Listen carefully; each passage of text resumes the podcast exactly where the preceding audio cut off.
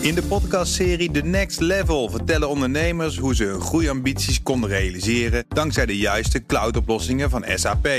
Wat waren de uitdagingen, de oplossingen en hoe ging de uiteindelijke implementatie? Benieuwd naar hun verhalen en hoe zij met behulp van SAP ook hun toekomstige ambities kunnen behalen? Luister de podcast The Next Level via de BNR-app of je favoriete podcast-app. Dit is een podcast van BNR Nieuwsradio.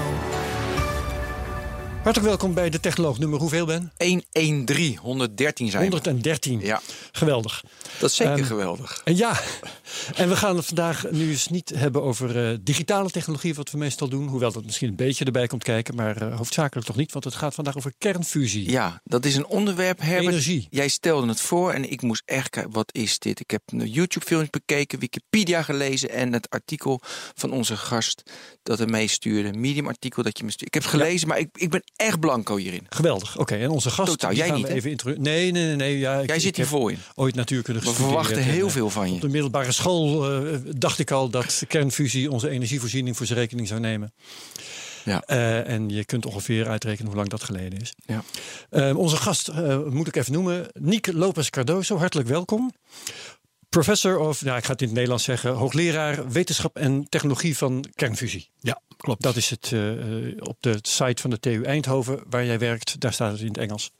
Maar ik eh, hou het bij het Nederlands. Oké, we gaan zo een beetje praten. We gaan eerst nog eventjes wat eh, lopende zaken afwikkelen. Jouw Fairphone. Mijn Fairphone, die heb ik intussen gerepareerd en wel teruggekregen. En ehm, nou ja, het, het idee was om hem radicaal te ontgoogelen. En eh, dat doe ik nu gematigd. Ik heb hem nu gematigd ontgoogeld. En dat Wat is dat? nou ja, dat betekent dus dat ik eh, het, ver- eh, het eh, ehm, eh, vervangen van het besturingssysteem, dat heb ik opgegeven. Dat is op een vreselijke manier spaak gelopen. Mhm. Een aantal dingen red ik nog wel. Alternatieve Play Store. Zonder Google, alternatieve zoekmachine zonder Google. Geen Google Maps, maar Osmand, als ik het zo uit mag spreken, O-S-M-A-N-D. En een aantal van dat soort zaken die dus eh, de rol van Google beperken. Maar eh, ik gebruik gewoon eh, Gmail. Ik gebruik gewoon de Google Agenda toch weer. Terwijl ik hier hoog op opgegeven Ja, heb. Een dat, alternatief eh, van Zoho. Maar het spijt me dat ik moet zeggen. Maar de, bij Zoho hebben ze zelfs nog een bug voor mij gerepareerd. Ik ontdekte een bug, die hebben ze voor mij gerepareerd. Speciaal voor jou. Ja, tenminste ja, blijkbaar wisten ze niet dat die erin zat en ze hebben hem gerepareerd. Maar eh, uiteindelijk vond ik de agenda van Google toch handiger. Dus het is een, een compromis geworden. Ik gebruik hem nu gewoon, de simkaart zit erin.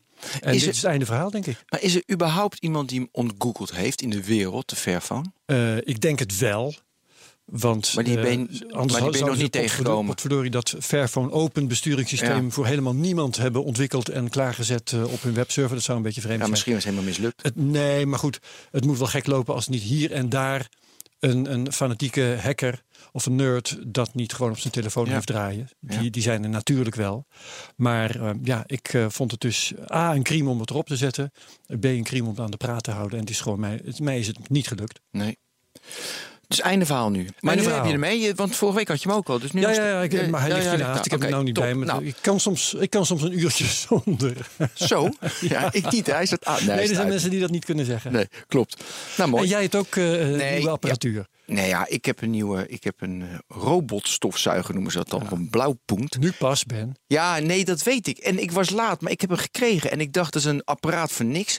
Maar wat ik het Wie leuk geeft jou een robotstofzuiger cadeau? Ja, met werk hadden we allemaal mensen hadden allemaal dingen gegeven. En, eh, maar dus ik, en ik dacht, nou, ik moet dat ding niet, is prima. Maar het is, eh, het is, een dat is interessant. Vooral de user interface, waar we het vaak over hebben. Gebruiksvriendelijkheid is hartstikke belangrijk. Nou, en ik vind het leuk om hem uit te zoeken. Wat een kansloos apparaat. ja, er zit nu een aan- en een uitknop op. Die gebruik ik. Home. Leuk, mijn buurmeisje van negen kwam langs. Ja. En direct toen ik hem had. En zij hebben ook zo'n robot. Dus zij ging me uitleggen hoe die, eh, hoe die afstandsbediening werkt. Nee, Ben, zo moet dat niet. Ja, echt heel zo. boeiend was dat. Dus die app kansloos, jongen. Ik denk, nou, dus, Ga nog met een app ook. ja, je Niet hebt gewoon een met een schermpje op het apparaat zelf. ook. En je hebt een afstand. Je hebt drie manieren. Maar daar heb ik ook van waarom hebben ze die afstandsbediening nou niet gewoon weg gaan laten? Alleen maar die app en de. Nou, dat kan ik je vertellen. Ja? Omdat ze via zo'n app kunnen ze jou meer in de gaten Ja, houden. Hoe je hem gebruikt en zo. Ja, maar dat vind ik helemaal niet erg. Oh, ze mogen al mijn op dat gebied mogen ze mijn data hebben. En, eh, maar nee, dus ja, ik kan hem aan- nu heb ik alleen maar aanknop. Uitknop meer doe ik niet, want ik, ja, dat is echt een gedoe. Want hij, het inlezen. Wat, wat kun je nog... Ja, oké. Nee, ja. maar ik, dus hij gaat inlezen langs de wanden. En ik heb echt, nou, ik overdrijf Oh, niet. ik heb de kamer in kaart. Ja, ik heb Ja, meer dan een uur naar dat apparaat zitten kijken. Ja, precies. Hoe leer jij? Dus ik wilde weten hoe. En leert hij? Nou, ik ben ik constant te kijken. Hoe doe je dat nou? Ho- Diagonaal, horizontaal, vet. Hij heeft alle manieren. Hm. En ik kom toch tot de conclusie dat dat ding niet slim is. Niet Hij- slim. Nee, hij, Ja. le- hij leert echt niet. Nee, want ik kan gewoon niet. Dus normaal denk je, nou, dan ga je efficiëntere routes en zo. Maar hij, hij doet altijd maar wat. Maar, ondanks dat hij alles doet, ik doe hem 's morgens aan en s'avonds aan. En ik heb echt bakken vol met stof. Ik heb twee honden. Ja. Ik, Oh. Het is een, een verademing. Ja, Een robotstofzuiger voor 350 euro. Echt mijn he ja, ik vind het zo prettig. Ik, Ja. Het is echt mijn vriend geworden. ja, ja. Ook Maar zo. ik- maar je hebt ik geen ben- honden meer nodig nou. Ik heb geen honden meer nodig. en eh, hij heet Sander. En ik- ja, het maar goed, ik, ik ben, dus ik blijf hem wel volgen hoe hij leert. Je gaat hem ook uitlaten natuurlijk. Uitlaten en, eh, en die, ook mijn honden, hoe ze reageren, natuurlijk heel veel. Dat vinden ze heel Oh gek. Ja, het is ook mens en machine daar samen. Nou, je, dat- vindt, je vindt alle shit niet in de hoekjes terug, want zo'n ding komt niet in de hoekjes. Nou, hij is rond en het is fascinerend hoe hij heel knap, zeg maar een stoel, eh, zeg maar, en wij hebben een love seat in de woonkamer. Hoe, ja, dat is echt niet normaal. Hoe die daar zeg maar langs gaat, hoe die dat heet, het- hij doet dat goed. Hij doet Oké. echt Ja. Indrukwekkend. Oké. We hebben zes minuten vol gelul. Ja, hè? sorry. Mooi Nou, geweest. door. Ja. Nick Lopez Cardozo, hartelijk welkom. Zit heel geamuseerd te luisteren. Heb ik Ja, zo die denkt, waar ben ik beland? Kom je uit Eindhoven? Ja, waar gaat dit over? Kom iets dichter bij de microfoon? Ja. Of trek de microfoon Nee, is je goed. toe, Alles is Ik ga weer relatief. in de actieve Ja. stand. Ik zat Eh, we gaan het hebben over kernfusie. En ehm, ik eh, had het net over hoe eh, al v- eh, 45 jaar geleden of zo die kernfusie een grote belofte was. Het is ook in de jaren 50 al begonnen, hè, het ker- kernfusieonderzoek. Ja. Ze zijn er al een kleine 70 jaar mee bezig. Ehm, ja, wat, wat is de belofte van, van kernfusie? Ja, maar hebben het... Sorry. Gaan we te snel? Nee, maar ik zei al, ik, ik moest eerst opzoeken, wat is het? Wat is het ook weer? Dus ja, sorry, maar ik En kun jij mij dat nu uitleggen? Niet Ja. opgezocht. hè? Ja, wat Nou, ik leuk vond. Ja, wat- ja, wat ik- Sorry Niek. Nou, nu ga je Nee, ga ik ik, echt luister, ik luister met, Ja. met ingehouden aan. Oké, wat ik op heb gezocht. ehm, ik vond heel mooi. De, de, de zon heeft heel veel energie. Waarom? Het is extreem warm. En weet je, alle hoeveel graden. En extreem warm. En als iets heel erg warm wordt, als we het heel warm kunnen maken, dan ontstaat er een, ik noem het even proces om het vaag te houden, want ik Ja. heb vergeten hoe dat precies zat. Ontstaat een proces waardoor de energie vrijkomt. En die energie is dan kernvuur. Want die kern die gaat dan uit elkaar In elkaar. ja, in elkaar, prima. Nou, dus je moet extreme warmte hebben. Ehm, dat was voor mij het belangrijkste. Dus Zover was ik. Maar leg even alsjeblieft even iets bij. Oké. Nou, om te beginnen, eh, ja, een kernfusie is een proces dat energie oplevert. Maar het leuke is, het is ook het enige proces in het heelal wat energie oplevert. Al de rest komt daar vandaan, zeg maar. Dus, dus het is niet zomaar een proces. Ja. Dus alle sterren die draaien op kernfusie en die maken niet alleen maken ze energie, ze maken ook zwaardere eh, kernen, zwaardere atomen in het proces. Dus eh, al die sp- het spul waar wij van gemaakt zijn, dat komt allemaal uiteindelijk door kernfusie tot stand. Is toch even Ja, best fijn. leuk om eh, toch te weten. Ehm, maar eh, het begint dus allemaal met hele lichte kernen. En vooral dus de allerlichtste kern, waterstofkernen. Als je die met elkaar laat fuseren, dan komt er veel energie vrij. En dan op een gegeven moment wordt er steeds minder wat er vrijkomt. En dan kom je bij stabiele kernen. En dan kun je nog afvragen, hoe komt het dan dat we veel zwaarder, dus uranium, dat soort dingen, hebben. Ja, die komen dus niet door kernfusie tot stand. Die zijn in, eh in supernovae-explosies eh, bij elkaar gebracht. Ja. Ja. Nou, daar gaan we verder maar niet. eh, Precies. Maar wat ik zei dus, er moet extreme, als er extreme warmte is. Toch? Want dan komt dat die... is nodig. Ja. Ja, ja ik, ik zou zeggen gewoon hoge temperatuur. Eh, Oké. ja. Nee, maar het, het, het- en extreem voor ons. eh, Ja, oké. ho- ja, oké. Hoge temperatuur. Zijn er nog andere factoren? Want die ben ik even kwijt. nou, de, dus die, om die deeltjes met elkaar te laten fuseren, Ja. die, die kernen van waterstof, isotopen, maar laten we zeggen waterstof, eh, daar is energie voor nodig omdat er een drempelenergie is. Dus ze stoten elkaar af. En pas als je ze zo dicht bij elkaar weet te brengen tegen die afstoting in, gaat ineens een, een sterke kracht werken, die een hele korte dracht heeft, een sterke kernkracht, en die trekt ze dan naar elkaar toe. Dus daar moet je over, dat heuveltje moet je heen zien te komen. En daarvoor heb je veel energie nodig. Hebben die deeltjes veel botsingsenergie nodig. En dat vertaalt zich, als die deeltjes gewoon door elkaar vliegen, in een hoge temperatuur. Ja. Zeg 100 miljoen graden of zo. Ja. En toen zeiden in de jaren 50, eh, zei, iedereen, zei iedereen tegen elkaar, dat lukt ons nou met de waterstofbom. Eh, dus dat is alvast mooi, maar nu moeten we het alleen nog eventjes leren beheersen en dat is zo gepiept. Ja. Zeiden ze toen. Eh, dat is dus ietsje anders gelopen. Eh, hoe komt dat? Nou, misschien de, de vraag die ook gesteld was, die nog niet beantwoord is, waarom zij dit willen, zeg maar. Oké, ja. Ehm, maar oh, dat is ja. voor mij, want ik vind wat je net vertelde, vond ik heel mooi. Het is de kern van, alle, van, van Ja, alles op precies. in het hele heelal. Dus nou, dat moeten wij als mens na kunnen maken. Ja. Dat zou. Ja, kijk, er is een hele sterke drive, dus ook in het onderzoek en onder de onderzoekers, om te zeggen van ja, het kan toch niet zo waar wezen dat dit bestaat en dat wij dat niet kunnen. Juist. Hè? Dat het op papier kan en dat Ja. we het, het echt niet kunnen. Ja, en bovendien, er ligt een grote schat op ons te wachten. Want het is een Ja. proces dat heel erg rijk is aan energie. Kijk maar op een zonnige dag naar boven. En eh, eh, die hele hoge opbreng. En, en bovendien eh, hele simpele grondstoffen. Hè? Want Ja. eh, je kunt in principe de grondstof kun je uit water halen. Daar hebben we heel veel van. Ja. Dus eh, de Precies, belofte hè? dus, is dus die beloftes die zijn in feite energie voor altijd. Als je het uitrekent, dan Ja. denk je van nou ja, genoeg voor laten we zeggen tientallen miljarden jaren of zo. Dan zijn Dat- er altijd ja, mensen in de- in- die naar de podcast luisteren. Nou shit, wat doen we dan daarna? Dat zal de tijd wel duren.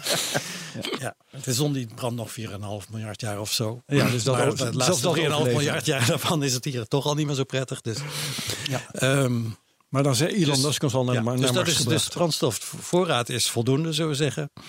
Ehm, dus eh, het is een veilig proces. Hè, want we zometeen gaan we zeggen hoe moeilijk het is. Mhm. Nou, dat, dat, die moeilijkheid die vertaalt zich erin dat we een proces gaan maken dat de hele tijd alleen maar uit wil gaan. En helemaal niet uit de hand wil lopen. Dat is het laatste wat het zal Ja. doen. Ja, ja, ja. Ehm, dus het is veilig. Dan moeten we natuurlijk nu denken, oké, het is een soort van kernenergie. Dus hoe zit dat met afval? Nou, daar moeten we het over hebben. Dat is een beetje een ingewikkelde verhaal. Maar Ja. ehm, ehm, hoe dan ook maakt het heel veel minder afval dan, dus 10.000 keer minder of zo, dan kernsplijting. Dus, Ja. dus dan denk ik, oké, dan is eh, de koolheidsstop misschien wel waard. ja. Ehm, maar het, het, nee, sorry, ga ja. verder. Ik ga je niet En, en tenslotte, wat je met kernenergie associeert, zijn ook proliferatieaspecten. En ook dat is een wat ingewikkelder verhaal. Daar wil ik wel meer ja, over zeggen. Maar, maar het is dus duidelijk. eh, ehm, niemand zal een fusiereactor bouwen omdat hij een waterstofbom zal. Nee, want het maken. kan zonder. Precies, het is veel Ja, makkelijker dat om al. waterstofbom te maken. Ja, ja. Als Ja. Kim Jong-il die waterstofbom wil, dan eh, heeft hij daar heeft hij absoluut voor. geen fusiecentrale voor nodig. Nee, andere dingen wel, maar Ja, eh, precies. Ja, nee, dat is duidelijk. Eh, maar goed, eh, het blijkt dus zo moeilijk om die reactor aan de praten, om die energie te winnen. Dus zo moeilijk Ja. dat je aan dat probleem van het afval bijvoorbeeld eh, al 70 jaar niet toekomt. Precies, precies, precies. Dus eigenlijk die, die hoge temperatuur, die 100 miljoen graden, dat, eh, nou, dat ligt ook voor de hand. Het zal wel niet zo makkelijk zijn. Nou, dat klopt. Dat is helemaal niet makkelijk. Ja.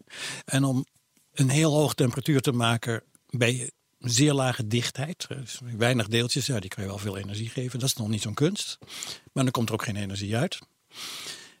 Dus om het zover te krijgen dat je een mengsel hebt op, op een, een of andere manier dat wel die hoge temperatuur heeft en dan zelf zoveel energie produceert dat het zichzelf warm houdt, dat is de grote uitdaging. Ja, en dan bovendien ook nog het surplus aan energie daaruit halen en nuttig gebruiken. Kijk, de, de energie die wordt opgewekt komt er altijd uit. Mhm. Het kan niet blijven hangen, dat doet Nee, energie nee, niet. ja. Dus, dus, maar Maar- de, de truc is dat je, ehm, ja, er, er wordt dat dus warmte begeleiden naar het geproduceerd. stopcontact. Dat is Er wordt wel warmte even- geproduceerd en dat moet dus jouw, jouw brandstof warm houden. Want die moet die 100 miljoen graden houden. Eh, en die wil de hele tijd afkoelen natuurlijk. Nou, dus Ja. in die balans, dus de opwarming door het eigen proces en de afkoeling, daar zit de enorme uitdaging. En als je dat hebt opgelost, want ik denk eigenlijk dat we dat hebben opgelost, dan zijn er nog een stuk of zes andere uitdagingen. Die Juist. ook heel moeilijk zijn. Maar hoe gebeurt dat nu? ja.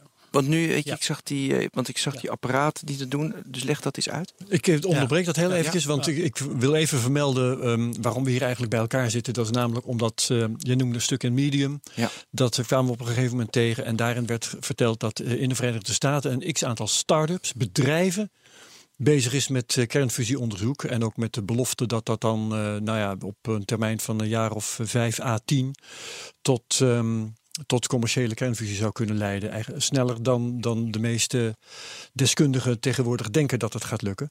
Dus dat is de reden dat, eh, dat we het nodig vonden om het erover te hebben. Maar inderdaad moeten we nou weten wat de eh, stand van zaken is hè, in het conventionele, het conventionele kernfusieonderzoek. Dat Nou, wil jij weten. Dat wil ik weten. Maar ik Ja. heb nog een reden, hè, wat ik het ook interessanter vind. Weet je, het is moeilijk. We verwachten het al heel lang. En met heel veel technologie is soms moeilijk. En, eh, eh, en dat verwacht je lang. Heb je allemaal barrières. En het is interessant, welke bar- vind ik dan, welke barrières dat zijn. Hoe overkom je dat? De value of death spreek je in je artikel over. Weet je, hoe je dat overkomt. Daar kunnen, kunnen we denk ik van leren in andere technologieën. Dus Ja. dat was voor mij ook een reden. Dit terzijde. Hoe doen we het nu? Kijk, en, en bij, bij heel veel van die, die doorbraken, van er was een barrière en op een gegeven moment heb je Ja. hem overwonnen, ehm, is er sprake van een nieuw inzicht. Een Ja. nieuwe technologie, misschien in een heel ander veld. Eh, Ja. eh, hoge temperatuur supergeleiders of zo. Dan denk je, oh, nu kunnen we iets wat we daarvoor niet konden. Ehm, kernfusie ik zou ook dit soort dingen kunnen vinden. Mhm. Maar het, het- oké, om, om even dus die, die moeilijkheid uit te leggen. Je moet bereiken een combinatie van die hele hoge temperatuur met een voldoend hoge druk eigenlijk. Ja. En eh, ja, dus hoge druk, hoge temperatuur. En dan moet er dus moet de warmtehuishouding zo geregeld zijn dat je niet het, de warmte die je opwekt harder verliest dan dat die wordt aangevuld. Ja. Ja. Ehm, Nou, om dat hoe- verlies te beperken, Ja. leggen we een magneetveld aan. Want dus als je een gas gaat verhitten, dus die brandstof is de, nou, die ga je verwarmen, dan gaat die op een gegeven moment verdampen natuurlijk. Eh, dan ga je hem nog verder verhitten, want oké, je moest naar 100 miljoen graden. Dan vallen op een gegeven moment de elektronen van de kernen af. Dan wordt het zogenaamd plasma, dus het, het spul waar de rest van het heelal van is gemaakt. Hè, niks bijzonders, maar eh, hier op aarde wel. Ja. Ehm, dan heb je geladen deeltjes. Nou, het aardige van die geladen deeltjes is, die kun je vastpakken met een magneetveld. Neutrale deeltjes zijn niet gevoelig voor magneetvelden. Dus als je nou een magneetveld maakt, dan gaan die, blijven die deeltjes daarin hangen. Nou, dat, dat gaat goed. Ik zal zo zeggen hoe goed dat gaat. Gaat namelijk spectaculair goed. Maar als je nu gewoon een recht magneetveld hebt, dan heb je daar einden aan natuurlijk. Mhm. Goed, dat is ook niet. Dan lopen de deeltjes daar je, je systeem uit. Dus we maken een rond magneetveld, zodat er geen einde aan die veldlijnen zitten. Voor de kenners, veldlijnen hebben nooit einde, maar ze kunnen wel ergens tegen een muur, tegen een wand aanlopen. Ehm, maar je maakt dus een rond systeem, zodat deeltjes die op veldlijnen zitten gewoon nooit dat systeem uitgaan. Oké. En nou zou ik zeggen, waarom dat spectaculair goed werkt. Nou, de bewegingsvrijheid van geladen deeltjes loodrecht op een magnetische veldlijn is zo'n 10 tot de twaalfde. Dat is een miljoen keer een miljoen. Mhm. Keer lager dan langs de veldlijn. Dus jouw warmteverlies wordt 10 tot de twaalfde keer kleiner. Dat is een hele Dat goede betekent thermosfles. Dat de warmtegeleiding van het plasma, die dus normaal gesproken langs de veldlijnen, dus het zijn hele snelle deeltjes die gewoon heel erg hard kunnen bewegen, ehm, die is een stuk beter dan koper. Nou, koper is een goede warmtegeleider. Mhm. En dan leg je het magneetveld aan en loodrecht op het magneetveld is de warmtegeleiding een heel stuk slechter dan piepschuim. Dus je maakt iets wat een supergeleider is, Ja. die op de een of andere manier dan toch een, een super eh, isolator wordt. Ja. Veel beter dan een thermosfles. En het hè. beeld eh, dat daarbij hoort, en dat hebben sommige mensen misschien wel eens gezien eh, op plaatjes in kranten of in tijdschriften, dat is, die zijn die autobandvormige reactoren. Precies, Hè? Die, het is een hele grote donut. Ja. Ja. Ja, wie dat toch eh, die parallel met de donut gemaakt heeft. Nou ja, het, het, het beeld klopt Ja. toch? Of niet dan? Ja, maar die donut komt overal terug. In de Ja. donut economy en nu dit weer. Wat een gek van die... Oké, Het is alleen oké. maar dikmaker. Ik trek hem in. Oké. Maar jij, jij vroeg Ben, eh, hoe, hoe doen we het nu? Dat is dus Ja. met, Ja. met, die, met die autoband. Ja. Ehm, en eh, toverwoord ITER.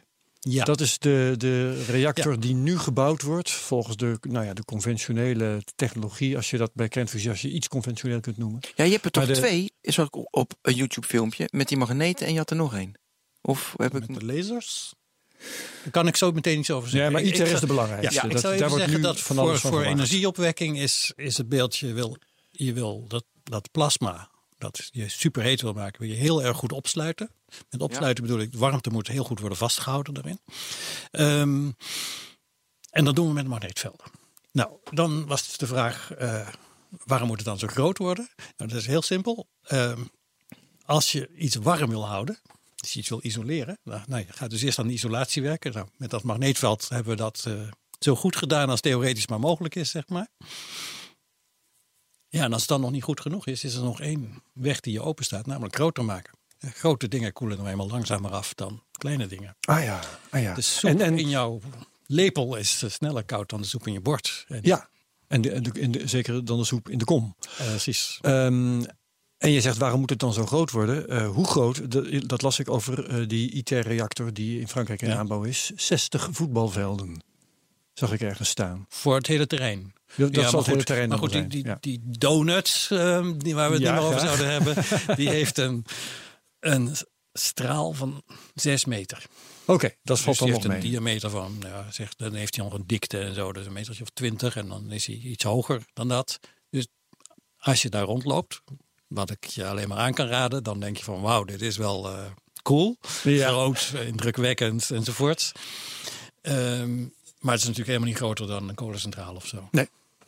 Maar ehm, de jaartallen die heb jij waarschijnlijk beter paraat dan ik. Die ITER, eh, daar is al tientallen jaren sprake van. En die is nu ook al eh, heel lang in aanbouw. Kun jij ons even bijlichten? Van Ja, natuurlijk. Wat, Ja, ja, w- wanneer ja, men daarmee begonnen is? Ehm, kijk, Europa had een programma en dat, dat voorzag in een machine die heet JET, de Joint European Torus. Die is nog steeds in bedrijf. In Is nog steeds geloof ik hè? in, in Oxford. Oxford. Nou, Oké, ja. ja. in Culham bij Goed. Oxford. goed. Ehm, ehm, de, de Joint European Tours. En dan was er een plan om na de Joint European Tours, de Next European Tours, JET en dan NET. Heel eh, fantasievol. Ja, prachtig. Ehm, en JET kwam in operation in 1983. En zou zijn, zijn, zijn, zijn full performance halen in begin jaren 90. En dat was allemaal opgeschreven begin jaren 70, zeg 72, 73 of zo. Dus eventjes toch om, om dat beeld te hebben. Op een gegeven moment was ontdekt van, hé, hey, de tokamak, dat is een goed idee. Zo heet zo'n ding, een tokamak. Ja, die autoband. Ja, donut, die ja, autoband, die donut, die, oké. whatever. Ehm, toen kwamen dus Europese landen bij elkaar in begin jaren 70 zeiden: Oké, dus eh, groter maken is de manier om dit op, probleem op te lossen. Laten we een hele grote machine ontwerpen. Dat was dus super stoer toen, want er waren nog helemaal geen grote machines. Hè. Dat was niet, een, niet van we maken iets anderhalf keer zo groot of zo, we maken iets tien keer zo groot. Dus oké. Dat hebben ze ontworpen. Dus er is een team aan de slag gegaan. In 1978 was het plan klaar. Toen is het ook nog even stilgelegen. Ehm, omdat er dan de politiek eh, zijn intrede doet. Zegt ja, waar gaat het komen? In Duitsland of in Engeland? Oh ja, krijg je dat. Ja. Heeft het een jaartje op liggen wachten. Want het is Ja. ook nog interessant hoe dat is opgelost. Ja, niks met techniek te maken. Nee, Ehm, met- met, en toen eh, is de spade in de grond gegaan. gevoelens. En het is spade in de grond gegaan. En ja, vier jaar later stond het hele het gebouw en het, het hele apparaat was gebouwd enzovoort. Dat was super, die- super snel. Hij is in- Jet, Joint European Tours. Ja, hij is in vier Ja. jaar getekend en hij is in vier jaar gebouwd. En dan gaat natuurlijk een traject in van rustig eh, de power steeds hoger maken. Ja, dus dat, dat moet je niet in één keer doen, want het is een experiment. Dus je wil niet dat die uit elkaar valt, zeg maar. Ja, ja, ja. Dus je bouwt er steeds meer bij. Oké. En rond de jaren, ja, dus begin jaren 90, zeg maar, eh, 92 of zo, heeft eh, Jet eigenlijk volledig voldaan aan de verwachtingen die daarvan in 72 van waren. Dus dat was on schedule. ja. Wat, En wat voor mijlpaal, wat voor Dus, mijlpaal is daarmee bereikt? Dat moest laten zien dat je in zo'n machine condities kon bereiken die vergelijkbaar waren. Dus die, die zeg maar het mogelijk maakt om de, te bestuderen wat er zou gebeuren als je de reactorcondities zou gaan maken. Dat klinkt heel voorzichtig mogelijk maken om te ja, bestuderen. maar goed, dus dat is dus dat, dat- het goede soort temperaturen. Ja. En, en dan ga je, ja, er zouden ook allemaal dingen kunnen gebeuren. Maar in ieder geval dus Ja. nog niks wat lijkt op een werkende reactor. Maar niks wat lijkt op. Nee. Nee, nee, geen, Oké, ja. geen zins. Nee, nee, nee. Echt, de, was ja, niet eens de bedoeling. was helemaal niet de bedoeling. eens de Nee, bedoeling. Nee, Nee. nee. Oké. Ehm, en daarna heeft Jet een andere missie gekregen, eigenlijk om dingen te gaan uitzoeken voor die nieuwe machine, ITER. Nou, hoe is ITER tot stand gekomen? Even onderbreken. Ja. Eh, ITER staat voor International Thermonuclear Experimental Reactor. Dat wou ik even kwijt. Heb ik opgezocht. Je kijkt alsof het ja, niet je klopt. kijkt of het niet klopt. ik, ik, ik moet altijd lachen. Want ITER, toen ITER eh, ontstond in 1985, toen Gorbachev en Reagan elkaar ontmoetten in, in eh, Genève, de zogenaamde Peace Talks. Nou ja, dat, dat ging voornamelijk niet over peace, geloof ik. Hè, maar ze moesten ook, het er ook ergens over eens worden. Ja. En dat is, weet je wat, we gaan samen een fusieproject doen. En we noemen het ITER. En de woorden die je daar net bij uitsprak, eh, leiden tot die afkorting. Goed. Ja. Ja, daarna hebben ze een, eh, een, een publieksenquête gedaan van wat mensen voor gevoel hebben bij deze woorden. Ze zijn nou international, neutraal, maar zeker niet positief. Thermonuclear, bad, bad. Hè? Dus, ja, sure. Ik weet het, man. de enige waarin ze dat, dat woord kennen, waar, waar eh, Bommen, space, ja. space war films, dat soort dingen.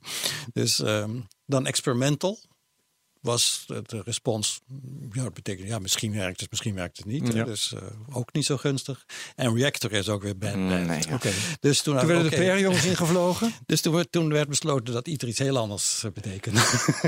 En wat dan wel? Ja, wat dan wel, dat ja. toch niet in Wikipedia? Nou, dat is, nee, nee, ja, dat is heel erg. Dat is al, al gewoon al, al 25 jaar geleden of zo is die afkorting verlaten, zeg maar. Ja, Maar het blijft alsmaar terugkomen. blijkbaar. Ja, ja. Ja. Maar Nee, wat is het er? Nee, voor- daar is dat- heel lang over opgestudeerd wat het nog meer zou kunnen betekenen. Ja. En uiteindelijk besloten, ITER is de weg.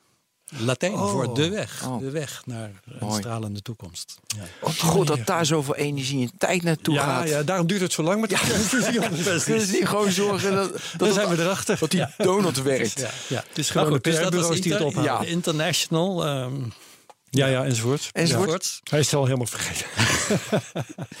Helemaal erased. Ja. Ja. Ehm, Maar wat gingen ze dat doen? Want dat was de Nou, vraag. Ehm, en daar werd dus een internationaal team. En toen op een gegeven moment bedachten de Amerikanen en de Russen die dat samen gingen doen. van, Het is een beetje raar om dat samen te doen, want eigenlijk zijn de Europeanen en de Japanners de voorlopers op dit gebied. Dus die zijn er ook bijgekomen. Dus toen waren het er vier, vier partners.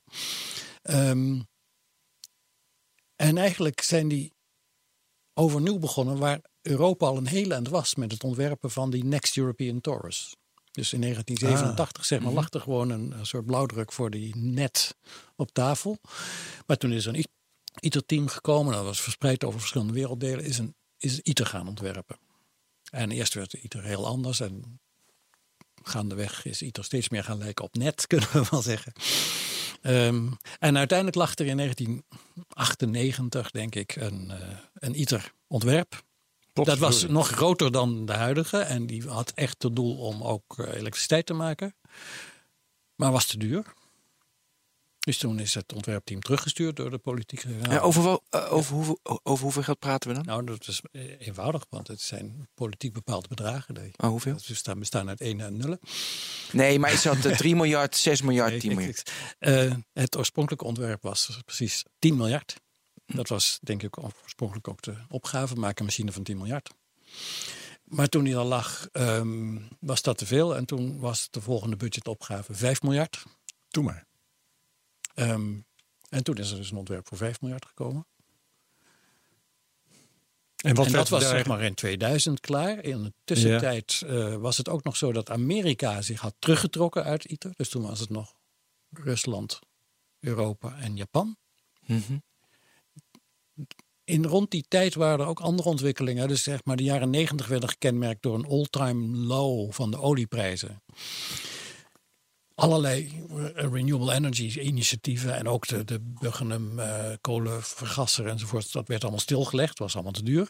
Want je kon, er was niks goedkoper dan olie verbranden. Ja. Ehm, eind jaren 90 begon het duidelijk weer anders te worden. Eh, het begon ook de klimaat en CO2, althans in sommige kringen, al een beetje op de radar te komen. Dus er kwam echt interesse voor alternatieve bronnen. Dus ook weer meer interesse om ITER te gaan doen.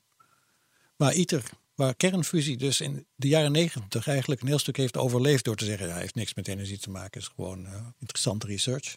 Kon je toen weer zeggen dat het eigenlijk ook een potentiële energiebron was. Ehm, en toen was er ineens interesse van China om toe te treden. Dus toen waren we weer met vier. Spannend, ja. Inmiddels dacht Amerika ook weer dat het leuk was. Is ook weer toegetreden. Ehm, Korea, Zuid-Korea is toegetreden. En Budgets nog gingen de hoogte in, of niet? Nou, oké, dat breek me de bek niet open, zal ik zeggen. Nee, dus eerst had je een partnership Dacht van vier al, ja. partners en die zitten daar gewoon met z'n vieren in. Ja. En toen waren er nog maar drie. En die drie gingen onderhandelen over hoe ze dan eh ITER zouden kunnen bouwen. En dan was het duidelijk dat je één partij had die de host zou zijn. En die zou zeg maar de helft betalen en de andere de rest. Ehm, toen kwam er een nieuwe partij bij. Dus ja, wat is dan de minimum entrance fee? Ja, nou, 10 procent. Dat is een beetje minder dan de andere, zeg maar. Toen dat was gebeurd, zeiden de Russen... ja, wij zijn eigenlijk ook niet zo rijk, dus wij willen ook graag 10 procent. Toen kwamen de Amerikanen en zeiden... oh, als je voor 10 procent mee Ja, dan willen we ook wel voor 10 procent meedoen. Dus dat, dat ging niet zo eh, Ja, Maar ja, was, voorspelbaar, maar niet. ontzettend ingewikkeld dus. maar Jongen, goed, dat is allemaal politiek, allemaal politiek. Maar het was dus voor 5 miljard. En als het team was, ja, dus geld is een issue. Maar het was er toch ook niet gelukt als er 1000 miljard zou zijn. Want je hebt toch ook. eh, want Technologische problemen. Ja, ja. Ja, zijn, Maar dit, Ja, dit, zijn, ja. dit, dit is dus uh, alleen als zijn factoren die de bouw van het ding ophouden. Ja. Waarmee je eigenlijk dat onderzoek wilt gaan doen. dat je het nog leuk vindt, Niek. Nou, kijk, wat er toen gebeurde was dus dat, eh, uiteindelijk is dat project. Hè, er, moest, er moest eerst onderhandeld worden over waar die kwam, Japan of Europa. Ja. Dat is op zich ook nog hartstikke. Hoe moet ik dat zeggen? Ingewikkeld. Daar zijn dan onderhandelingsteams en die zijn hartstikke hard aan het werk. Hè? Want die moeten uitzoeken waar het aardbevingsrisico nou precies het grootste is enzovoort. Nou, niet in Japan. Dikke rapport. Dik- is in Japan is het het grootst. Ja. ja natuurlijk. dikke rapporten. Ehm, maar ja, ondertussen duurt dat gewoon drie jaar of zo. Wauw. Ja, dat, eh, Maar het- ja. dus politiek heeft het allemaal tegengehouden. Want Ik wil even over Ja, de en mogelijk gemaakt, hè? Ja, oké. Ja. Ja. Maar goed, het duurt al heel lang, want dat is natuurlijk waar. Ja, ja, ja. het, eh, Precies. En we moeten trouwens Ja, ook eh, uiteindelijk komen waar ik net aankondigde dat we heen zouden gaan. Want ehm, ja, goed. ITER, eh, om, om dat even snel eh, tot een einde te brengen, is nu in aanbouw. Ja. Hoe lang ook weer? Al? Nou, dus het, het contract is in Frankrijk? 2006 ondertekend. Toen moest er een team worden samengesteld. Dat was zeg maar in 2007, 2008, 2009. Toen is het, het design waarover onderhandeld was, dat inmiddels dus tien jaar oud was, is, Nog een keer opnieuw gedaan? is verder uitgewerkt en is, ja, zeker zin opnieuw gedaan. Niet helemaal opnieuw natuurlijk, maar het was tien jaar oud. Ja. Ehm, en toen zijn is begonnen om de contracten te gaan uitschrijven. Natuurlijk moest er een heel. Het was een goede manier om het te zeggen, is denk ik. Het is alsof je een man op de maan wil zetten, maar daar is nog geen NASA.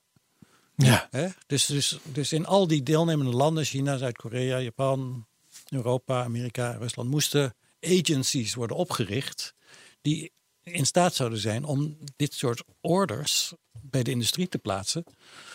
En het dan ook op te volgen om te kijken of de industrie wel eh, Ja. maakte wat gemaakt moest Dat worden. vind ik een mooie vergelijking. Moet er eerst een NASA zijn of wil je, moet je eerst naar de maan willen? Dat is, dat is best wel. Weet je wat ik dacht dat Niek zou gaan zeggen? Nou? Je wilt een man op de maan zetten, maar de maan moet nog even gemaakt worden. ja. dat dacht ik echt. Ja, nee, maar dat is wel een hele goede vraag. Die dingen moeten natuurlijk gelijk opgaan. Maar hier, omdat het eigenlijk dus een hele poos eh, stilgelegen had, in Ja. verwachting van of het door zou gaan, was er niks.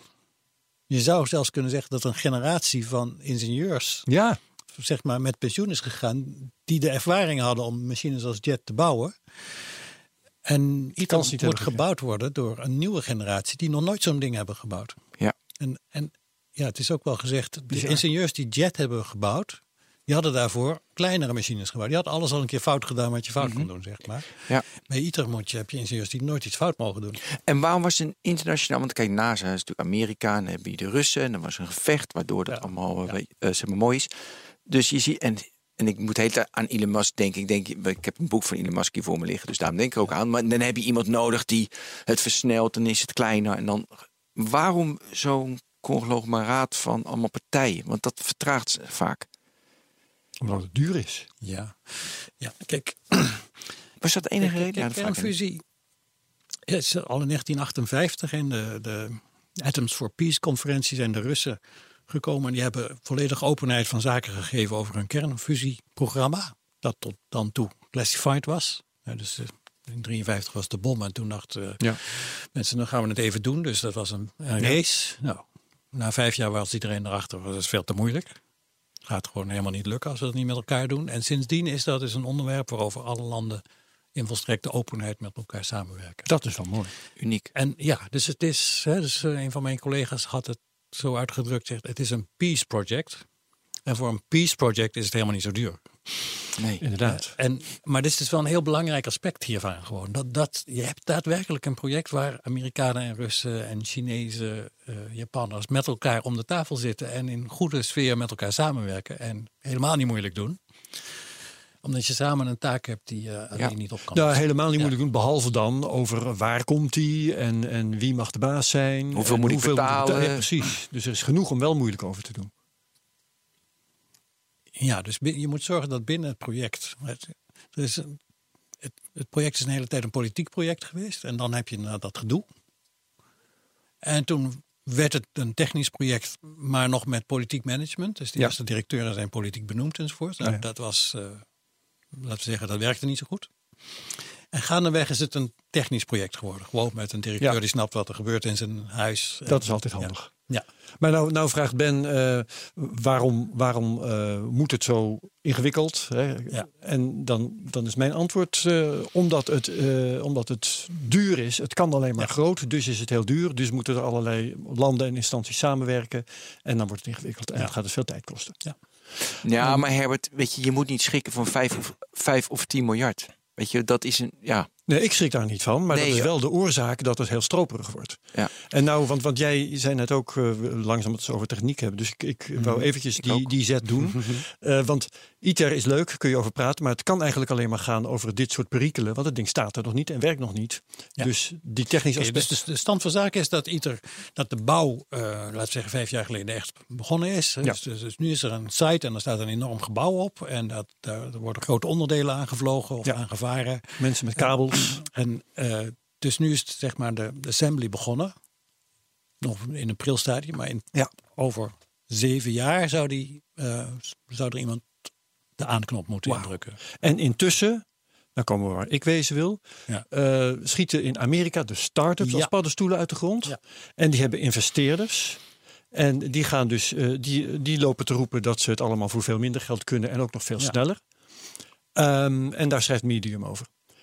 En nou wou we het daar met jou eens Ja, over hebben. Ehm, wat kunnen die eh, opeens dat, eh, dat eh, een internationaal samenwerkingsverband met miljarden euro's niet kan? Ehm, ja, ga ik nog even over de techniek praten. Tuurlijk. ja, fijn. Ja, want wat ITER probeert na te streven is dus die combinatie van een hele hoge temperatuur en goede opsluiting met dat grote magneetveld en die afmeting. Ja. Ja. Dat is stap 1, zeg maar. Dat is de conditie die je nodig hebt om überhaupt power te gaan opwekken. Stel dat dat lukt, dan komt er eh, in het geval van ITER een paar honderd megawatt uit. En die komt voornamelijk in de vorm van snelle neutronen. Dus die moet je dan stoppen in een zogenaamde blanket. En die blanket wordt de power opgevangen. Maar ook de neutronen worden gebruikt om nieuwe brandstof te genereren. Dat is een soort gesloten brandstofcyclus. Dat is een technologie die eigenlijk nog niet bestaat. Ehm, het stoppen van die neutronen heb je ongeveer een meter blanket voor nodig. Ehm, Zo'n blanket die vul je met lithium. En die heeft, ja, die heeft een grote volume en een grote, eh groot oppervlak. Ehm, alleen al het lithium wat je daarin stopt kan zomaar een miljard kosten of zo. En dan heb je materialen nodig die door die neutrale neutronen worden bestraald. Die daartegen moeten kunnen. Dus je hebt neutron hard materials nodig. Eh, en een deel van de warmte komt er gewoon als warmte uit. Dus dan dreigt er ergens in de reactor iets te smelten. Dus dan heb je een soort koeltechnologie nodig. Enzovoort. Nou goed, all works. Al deze aspecten gelden voor alle pogingen om kernfusie te maken. Dat lijkt me ook. Ehm, dus als start-up zeggen we, wij maken over vijf jaar, ehm, verkopen we kernfusie-energie. Meestal, als je goed leest wat ze beloven, is dat ze denken ook die reactorcondities te gaan maken die er in ITER zijn.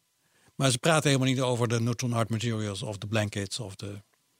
Hè, dus, dus, dus wat in feite denk ik, als je kijkt naar wat ze beloven, is meestal dat ze iets zullen bereiken wat in het reguliere programma 30 jaar geleden al bereikt was. Namelijk hoge temperaturen enzovoort. Ja, Maar, wat ze dus niet, hè, ja. maar, maar dus als iemand zegt ik ga een goedkope reactor maken, dat is meestal gewoon niet waar. ik wou zeggen, ze beduvelen de boel. Dat, Ja. eh, ja, Ja, ja. want alleen al die blankets, eh, die je gewoon echt wel nodig hebt, want die neutronen die zul je ergens in moeten stoppen, ehm, die is al super duur. Ja. En bovendien technologisch eh, heel erg gecompliceerd. Ja, want de investeringen die ik voorbij heb zien komen, die lopen in de tientallen miljoenen of zo. Ja. En eh, jij zegt Ja. eh, alleen dat lithium dat je nodig hebt, is al eh, een, een miljard of in Zo ieder geval blijkt het orde kan grootte. miljard zijn, ja. Ja, ja, ja. Eh, Maar goed, dus- aan de andere kant, Herbert, eh, of niet, dat is toch ook niet erg. Weet je, ze beginnen, gaan, ze hebben ook weer onderzoek. Het, mensen zijn ermee bezig. Nee, Oké, dus laat ik die andere kant van het verhaal vertellen. Het reguliere kernfusieprogramma zegt we doen JET en dan doen we ITER. Ja, en omdat we maar één ding doen, moet het helemaal goed gaan. Dus ja. alle, al het geld op één ding. En kijk, eh, daar zit natuurlijk een super groot risico aan. Hè? Als, als, Ja. als eh, bij de bouw van ITER een van de magneetspoelen uit de kraan valt, dan ligt dat project gewoon weer twee jaar achter op schema. Ehm, Ja. En dat is dan een triviaal ongeluk, zeg maar. En het kan ook nog gewoon niet werken op de een of andere manier. Of het Ja. er kunnen allerlei tegenslagen zijn. Ehm, technologische het tegenslagen. kan blijken dat Ja. uiteindelijk iets toch Moeilijker niet is zo'n goed idee was. Ja, ja, ja, ja, ja. Dus het is eh, uit- eh, ja, uitermate wenselijk dat er allemaal wegen bewandeld worden. ah ja, dus jij zegt die, die start-ups die proberen het op een iets andere manier. Ja, Prima. ja nee, absoluut. Totaal. Ja, ja, Ja, alleen. En als er eh, dus intussen- iemand. Ja, als, er- als, als er iemand een echt een radicaal ander idee heeft, dat zijn er niet zoveel hoor. Mhm. Eh, ja, dan is het gewoon spannend. Dan ga je kijken. Van, Ja. Maar noem eens een radicaal idee hoe ze het dan aanpakken. Ben je er tegengekomen? Ja, ik wel. Eh, Een, Ja. een, een systeem met zuigers. ja. Dus eh, jij, jij had net een heel gloedvol verhaal over eh, de magneetvelden en zo om de boel op te sluiten. En dan komt er iemand die zegt van nou ik bouw iets wat een nog het meest lijkt op een automotor. En dan ga ik gewoon staan stampen op dat spul. Ja. En dan komt het ook wel bij elkaar. Krijg je die fusie ook wel. Ja, oké, dus, dus daar is het verhaal. Je, je wil, eigenlijk wil je dat het product van die opsluiting, die, die, die, de tijd dat het spul bij elkaar is en dat, het, dat de, energie is opgesloten en de druk, dat het product van die tweede, één keer de ander, dat moet een zekere waarde hebben voordat je ehm, netto energiewinst krijgt. Oké, dat is een heel simpel sommetje. Maar dat kan je dus proberen te bereiken of door hele goede opsluiting, wat het ITER doet met die magneetvelden, of door hele korte, slechte opsluiting, hele korte tijd, maar heel erg hoge druk. Dat is een andere tak. Dat is, ik kan er ook nog iets als over je zeggen. hogere druk hebt, dan kun je permitteren om Maar je korter op te ook nog dus de idee zeggen van nou, misschien kunnen we ergens tussenin gaan zitten. Want die hele sterke magneetvelden, dat is wel een beetje een gedoe. Maar als we nou een soort mm, toch wel magneetvelden creëren. En dan gaan we die druk opvoeren door een schokgolf eh, op te wekken. Gewoon met zuigers. Niet zomaar met zuigers. Hè? Dus nu gaan we even vertellen hoe het werkt. Hè? Hele erge zuigers. Nee, maar, maar ehm, in dat specifieke concept is er een, een schil van vloeibaar lood. Dat draait.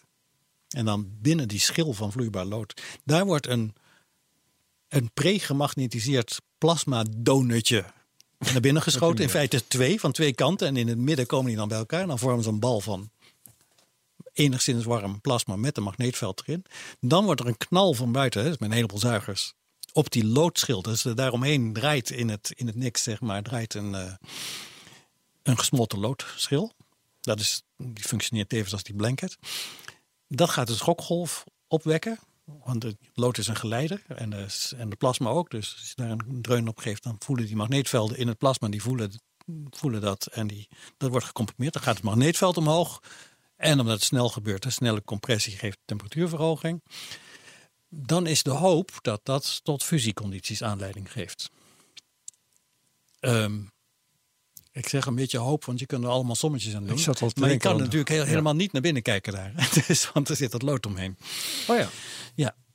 Ehm, Je zit een beetje op de Ja. tast te werken. en, maar dus dat is het concept dat je die schil hebt.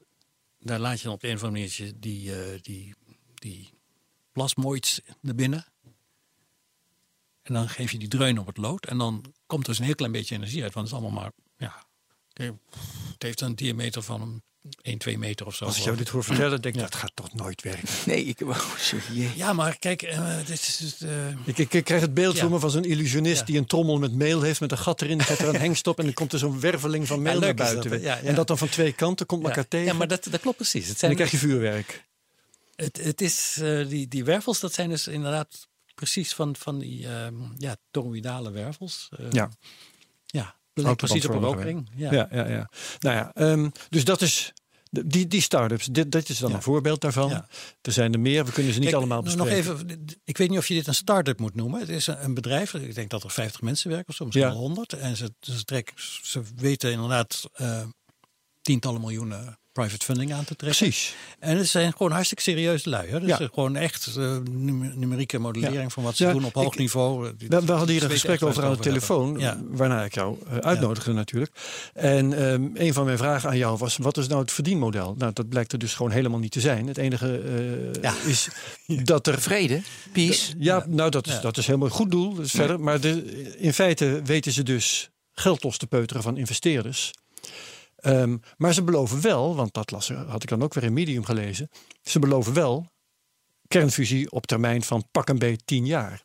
Ja. Dus die investeerders die, die denken, oh ja, dat, eh, dan krijg ik over tien jaar geld. En stellen dan megabedragen ter beschikking. Eh, Tuinen zij erin? Is, is dat wat er Nou, gebeurt? Kijk, die, toch die, investeerders die daar tientallen miljoenen in steken, die tuinen helemaal nergens in volgens mij. Mhm. Die snappen precies waar ze instappen. En die snappen ook heel goed dat eh, als in de brochure staat dat over tien jaar het werkt, dat het gewoon eigenlijk helemaal niet waar is. Oké, Ja. iedereen Maar ze weet... stimuleren de wereld gewoon. Eh, onderzoek Nou, dat stimuleren is ze dus- en dus- vrede. Kijk, dat, dat zijn.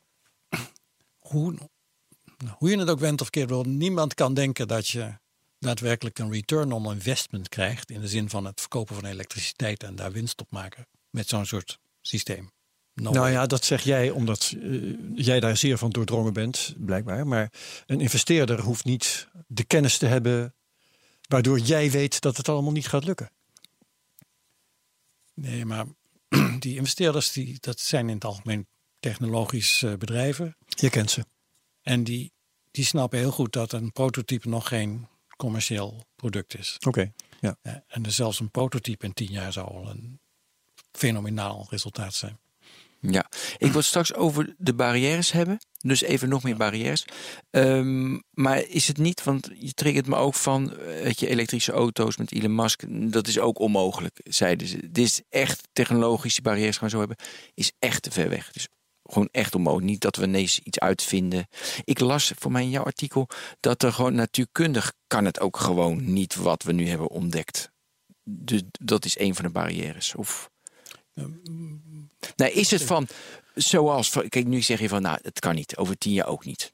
Ja, ik heb zo vaak gehoord van mensen, ja, dat kan helemaal niet, allemaal elektrische auto's, zonne-energie, totaal niet rendabel. Nee, dat is, is tot een hele, goede vraag. niet aan beginnen. Ja, hele goede vraag. Ehm, dus je moet proberen te scheiden die dingen waarvan je zegt, ja, misschien verzinnen we wel iets slims wat ik nog niet weet. Ja. En die dingen waarvan je zegt, ehm, ja, neutronen, die gaan we toch echt moeten stoppen. En die eigenschappen van die neutronen en de interactie met de materie, die gaat echt niet veranderen, hoe slim we ook worden. Nee. Ja, dat onderscheid vind ik leuk, ja. Ja. ja. Ja, dus, dus die, die dingen moet je onderscheiden. En magneetvelden, bijvoorbeeld, we hebben sterke magneetvelden nodig. En met ehm, conventionele supergeleiders kun je een, een, zeg maar 5 Tesla maken of zo. Dat is een ongelooflijk sterk veld. Hè? Dat is vijf keer zo sterk als wat je in, je, in het ziekenhuis hebt. In MRI. eh. Tesla, Kent, voor wie het ja. niet weet, is niet alleen een auto, maar ook een eenheid van sterkte precies. van magnetisme. Ja, ja, het was ook nog eens een keertje iemand. Niemand weet dat meer. Ja, het is een geniale geleerde. Ja. Ehm, maar vijf, maar ehm, als je daar 10 Tesla van zou kunnen maken, dan zou je die machines wel kleiner kunnen maken. Dus dat zou eens heel interessant kunnen zijn. Er is ook, ook een ontwikkeling om naar die hogere velden te gaan. Dat kan misschien wel met hoge temperatuur superconductors. En die zijn er eigenlijk, ja, die, die zijn ontdekt zeg maar in 1986 geloof ik. Maar je, je kunt ze pas kopen sinds een paar jaar. Dat je er ook een beetje stroom door kan laten lopen. Dat is helemaal in het begin. nog. Dat zijn die dingen waar eh, in de vorige eeuw Nobelprijzen voor zijn Precies, uitgereikt. hè? Die ja. eh, keramische supergeleiders. Keramische Ja. supergeleiders. En aanvankelijk li- wilden daar helemaal niet veel stroom doorlopen. Maar inmiddels weten ze, dan moet je een stalen bandje nemen. En dat, daar deponeer je dat dan op. Heel dun laagje. Nou, dan weten ze hoe ze dat kunnen maken. Prachtig. Ja. Ja. Dat is nog super duur natuurlijk. Maar dat kan best goedkoper worden. Ehm, dan kun je naar hogere velden. Oké, nou dat is, dat is dan de doorbraakrichting. Hè? Dus, ja. Maar hogere velden gaat wel gepaard met grotere krachten. En dan ga je dus uitrekenen hoeveel krachten komen er dan op de, ja, de structuur waar die, die magneet bij elkaar moet houden. En dan kom je op een gegeven moment aan de vloeigrens van staal. Wel, ja, ja. En, dan, en die gaat ook niet veranderen als we er slimmer van worden. Ja. Ja. Dus, dat dus, dus ja, er zijn gewoon wel echte, ja. echte limieten waar je niet zo makkelijk Je magneten brandt. gaan verbuigen onder hun eigen veld. Absoluut. Ja, beetje. ja, Ja, ja. dat is wat magneten doen. Ja, nou, ja. niet alle magneten verbuigen onder hun eigen veld, maar deze dus wel. Als je sterk magneetveld probeert te maken, is dat je uitdaging. Ja, Ja, ja, ja, fantastisch. Ja. Ehm, we moeten verder. Ehm, want eh, we hebben het nu over die start-ups. Er- zijn er nog meer. Hè, want er is ook zo'n start-up die heeft dan een, een nieuwe manier om, eh, om die eh, supergeleidende materialen om zo'n autoband heen te draperen. Zodat het Ja. allemaal nog weer... bij- Lockheed. Ja, nou dat, dat laten we nu even zitten. Want eh, ik wil naar die... Ben noemde het daarnet al, die Valley of Death. Ja. Die ja, jij in ja. jouw artikel signaleert. Er is dus, doordat dit allemaal zo grootscheeps moet, is er een structureel probleem bij het commercieel maken van kernfusie. Kun je dat even uitleggen? Ja. Nou, dus met, bij kernfusie heb je gewoon allerlei technologische barrières. Eh, tot, tot het punt waarop ik zeg, misschien wel anders dan 10 of 15 jaar geleden. We moeten er eigenlijk echt over praten als een, een science project en een techn- technolo- technology Niet project. meer die hoop bieden, bedoel je En eigenlijk? zeg van, het, het heeft ergens in de toekomst een energietoepassing. Maar Ja. laten we nou eerst maar eens kijken of het kan. Ja, want dat is dan gewoon nog helemaal niet aangetoond. even die data vergeten die Ja. in de toekomst, die toch steeds verder weg Ja, precies. loopt. Ja. Ja.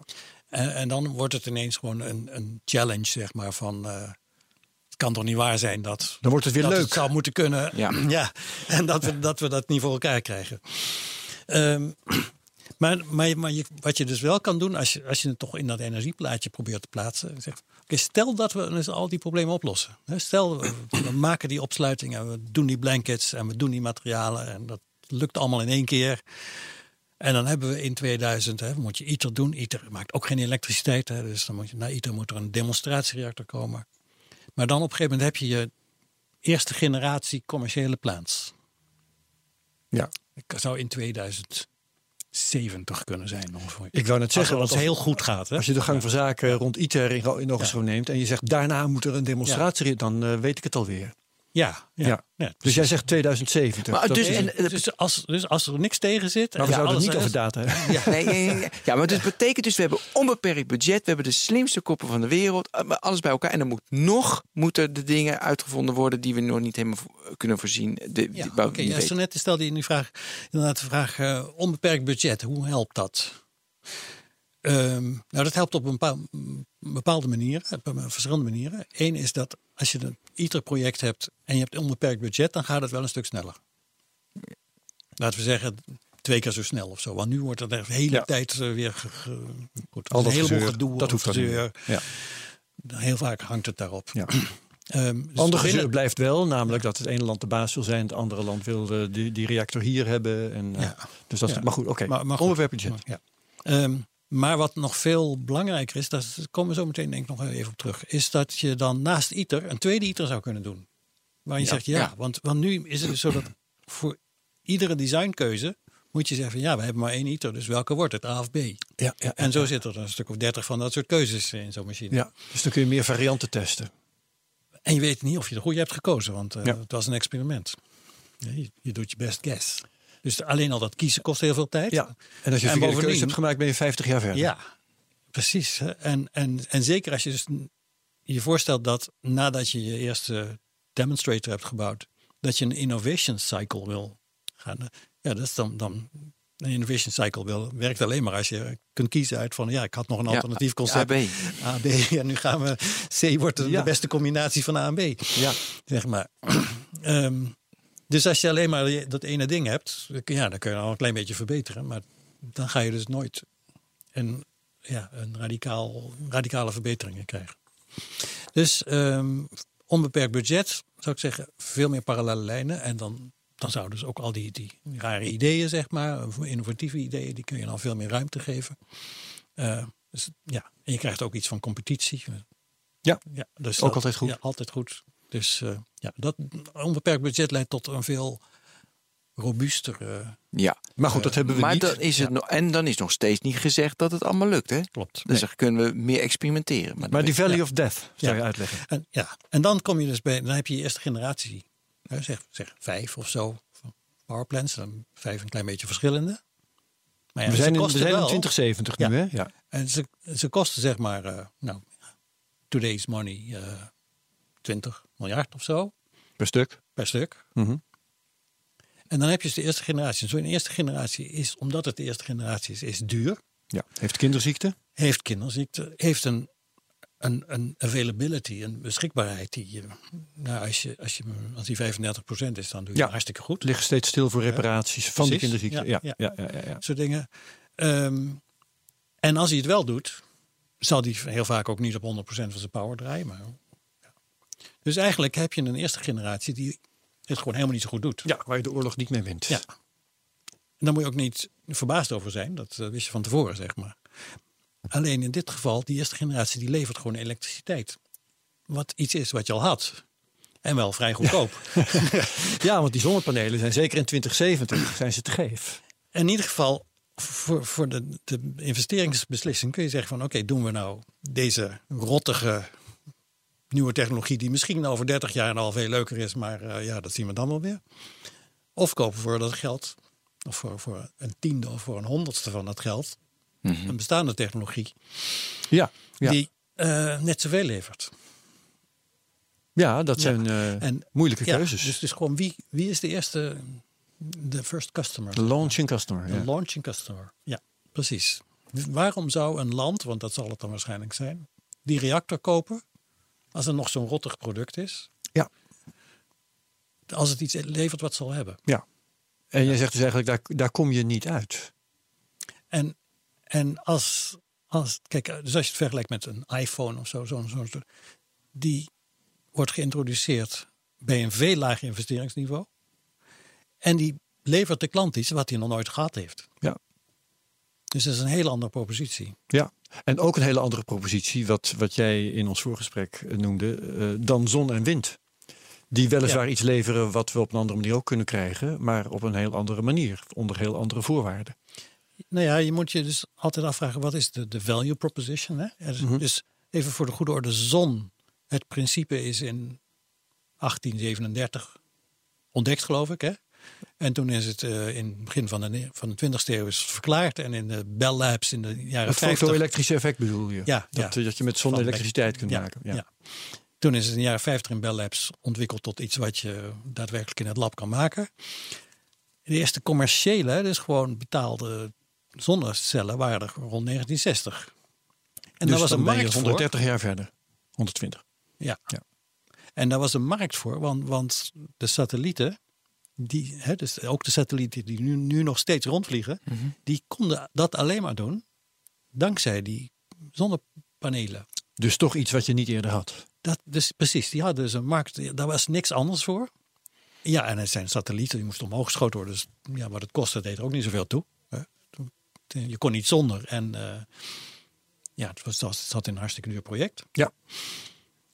Dus dat had een perfecte eerste markt. En dan, ja, dan, heb je, dan kun je er al flink wat maken. En dan wordt het wat goedkoper. En dan gaandeweg breidt die niche-markt zich uit, zeg maar. Ja.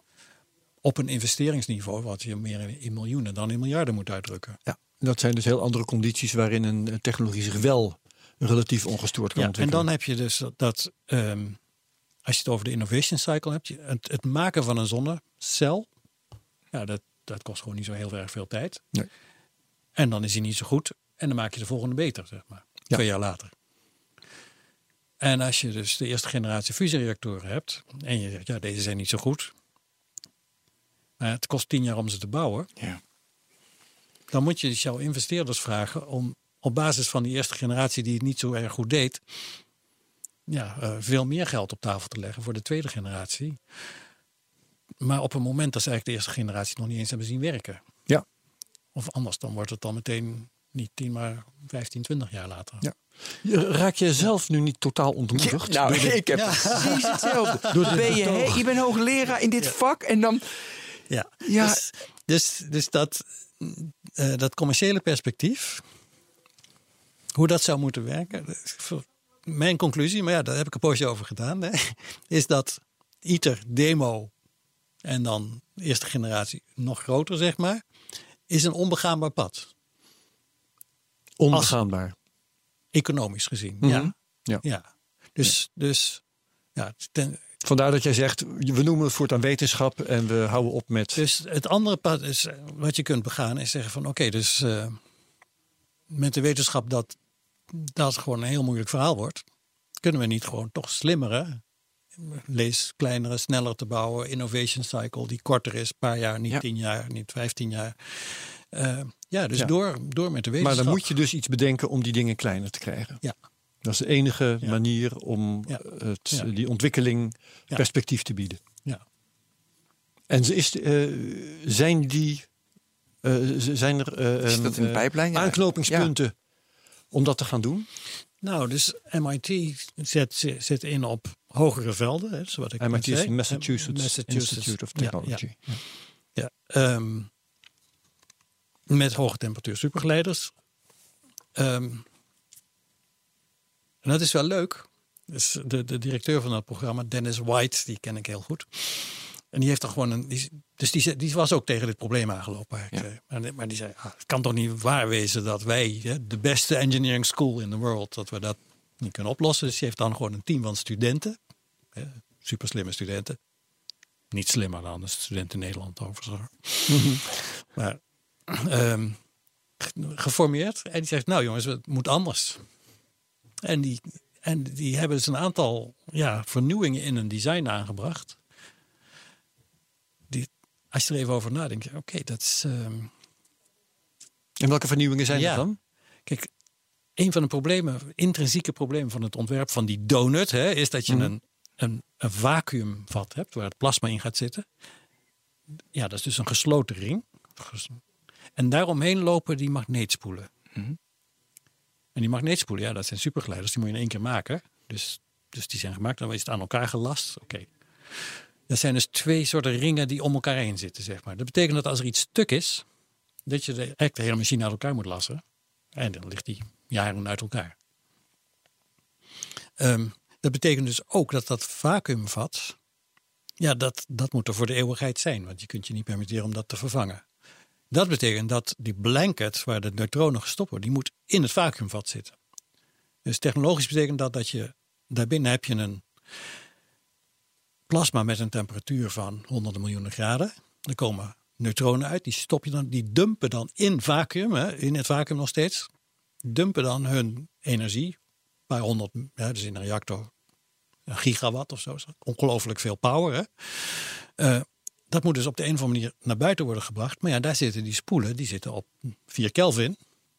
Dat is eh, Dus je moet dus bijna het power- nul. Ontzettend koud. Het is ongelooflijk koud. 270 precies, graden ja. onder nul. Ja. Dus, dus, die, dus al, die, al die warmte die moet naar buiten worden gevoerd door een koelkast heen, zeg maar. Dus eigenlijk heb je een soort. Je hebt een. een, een het is ook zon. een bizar stelletje opgave. Wat je, Precies, het is een bizar stelletje op.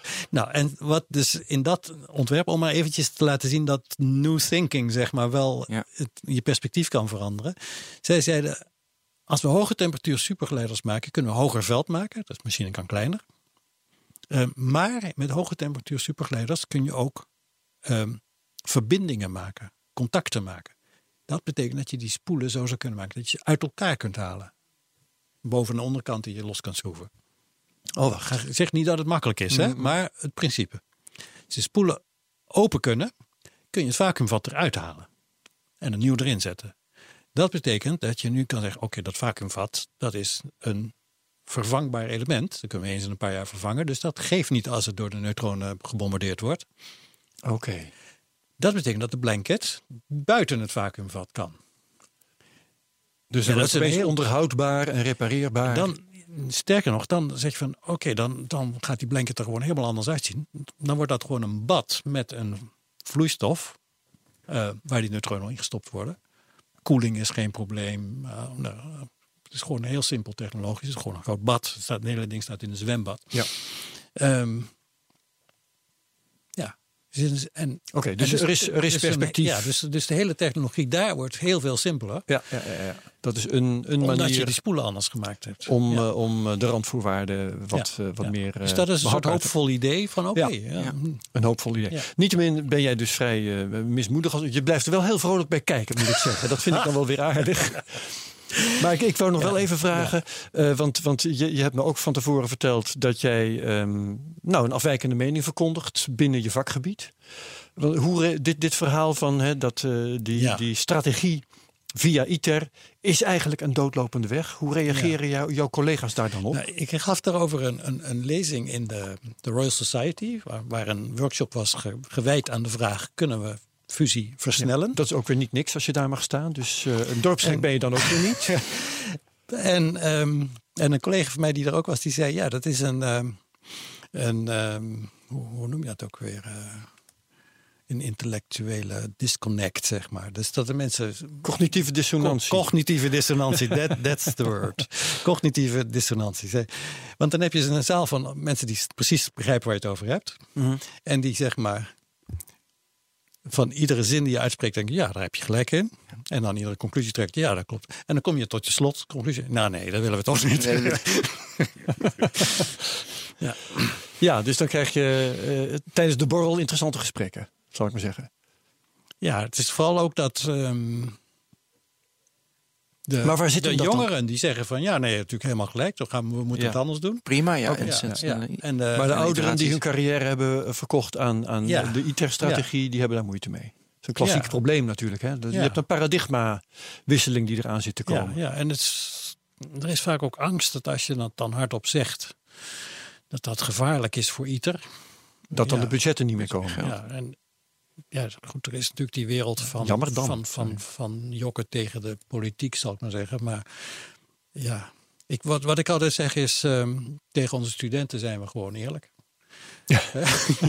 tegen studenten kan je niet, kan je niet, Nee, eh, dat, dat kan geen kwaad. kan niet jokken. En eh, ja, dus eh, de waar, ja. Laten, laten we beginnen met de waarheid te, te spreken. En dan de rest komt daar dan wel achteraan, denk ik. Ja, ja. Dus, dus ehm, als we dan toch even een voorspelling moeten doen. Jij denkt dat vroeg of laat eh, toch onvermijdelijk is dat, dat de onderzoeksrichting gaat naar die kleinere eenheden. Die kleinere, eh, hoe maken we kleinere reactoren die ook sneller gemaakt kunnen worden, sneller vervangen kunnen worden. Om die hele innovatiecyclus ja, kijk. eh, een om normale een schaal iets, te iets geven. positievere spin te geven. Ja. Alles wat we in ITER leren, heb je in vrijwel alle andere concepten ook nodig. Oké, ja, dus het is niet zinloos. Nee, dus, daar- dus, dus als science project en Is de als grote broer en is het gewoon helemaal oké. En is het het beste wat we kunnen doen. Ehm, het enige is waar, waar dus een deel van de community tegen, tegenaan loopt, is van als al het budget nou daarheen gezogen wordt en dan niets, geen enkele ruimte meer over is om alternatieve concepten te doen, dan doen we onszelf geen, bewijzen we onszelf geen dienst. Want ehm ITER is niet het einde van het verhaal.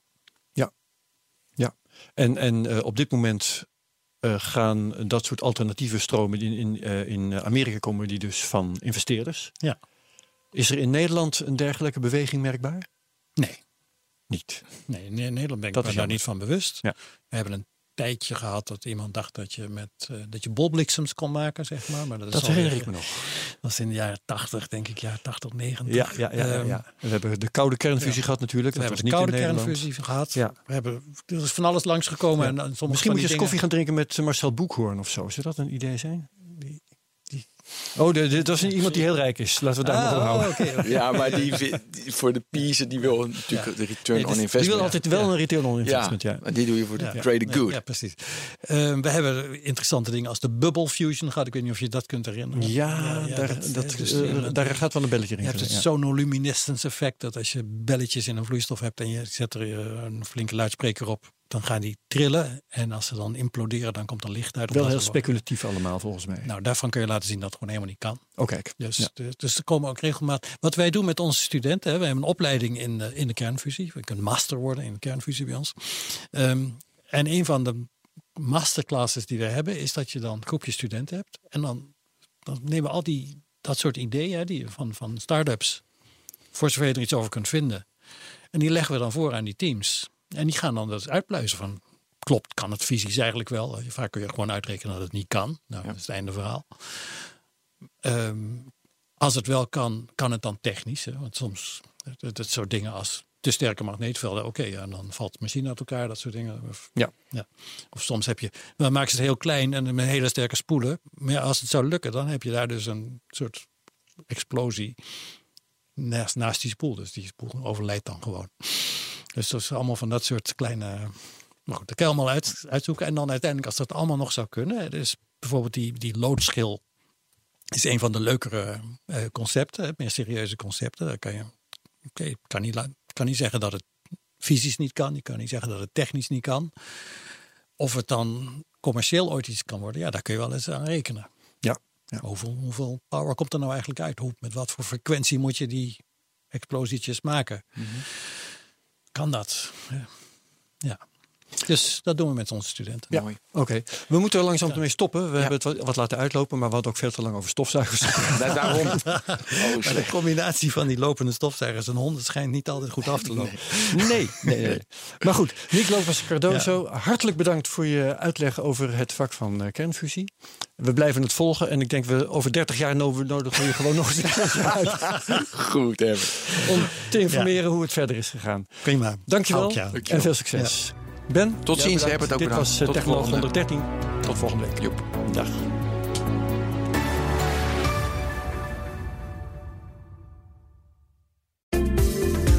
In de podcastserie The Next Level vertellen ondernemers hoe ze hun groeiambities konden realiseren dankzij de juiste cloudoplossingen van SAP. Wat waren de uitdagingen, de oplossingen en hoe ging de uiteindelijke implementatie? Benieuwd naar hun verhalen en hoe zij met behulp van SAP ook hun toekomstige ambities kunnen behalen? Luister de podcast The Next Level via de BNR-app of je favoriete podcast-app.